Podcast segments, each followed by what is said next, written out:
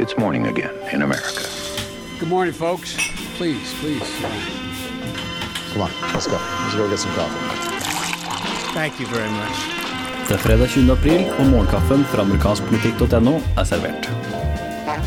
Mens du lå og sov, så ble de mye omtalte Comey-notatene oversendt fra Justisdepartementet til Kongressen.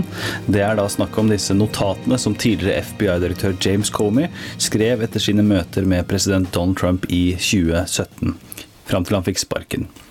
Comey har tidligere referert til disse notatene både foran Senatet og i boka som nå er publisert, og som vi snakker mye mer om i ukas spesialutgave av Ampolkast, der jeg, Henrik og Vårin tar for oss boka til Comey, som vi har lest. Kom med en slags anmeldelse i podkastform, og har eh, mye på hjertet, så anbefaler absolutt å høre ukas spesialutgave av Ampolkast, som nå ligger klar i podkastfeeden din.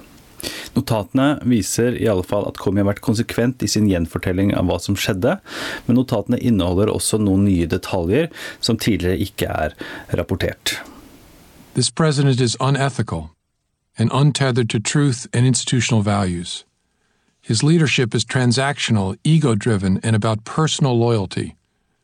We are fortunate some ethical leaders have chosen to serve and to stay at senior levels of government but they cannot prevent all the damage from the forest fire that is the Trump presidency. Their task is to try to contain it. Tonight I ordered a Dagens korte utgave av Morgenkaffen er servert av undertegnede Are Togplaten. Poenget nå er så klart at du skal gå videre og høre på Ampolkast, som vi har brukt mye tid på å få ut. Du leser i alle fall mer om notatene til Comey, samt andre saker som Anders Høymyr har samlet i nyhetsbrevversjonen av Morgenkaffen på amerikanskpolitikk.no. Hvis du hører på iTunes, skriv gjerne noen ord og gi oss så mange stjerner som du føler vi fortjener. Hyggelig du hører på. God helg, og så snakkes vi på mandag.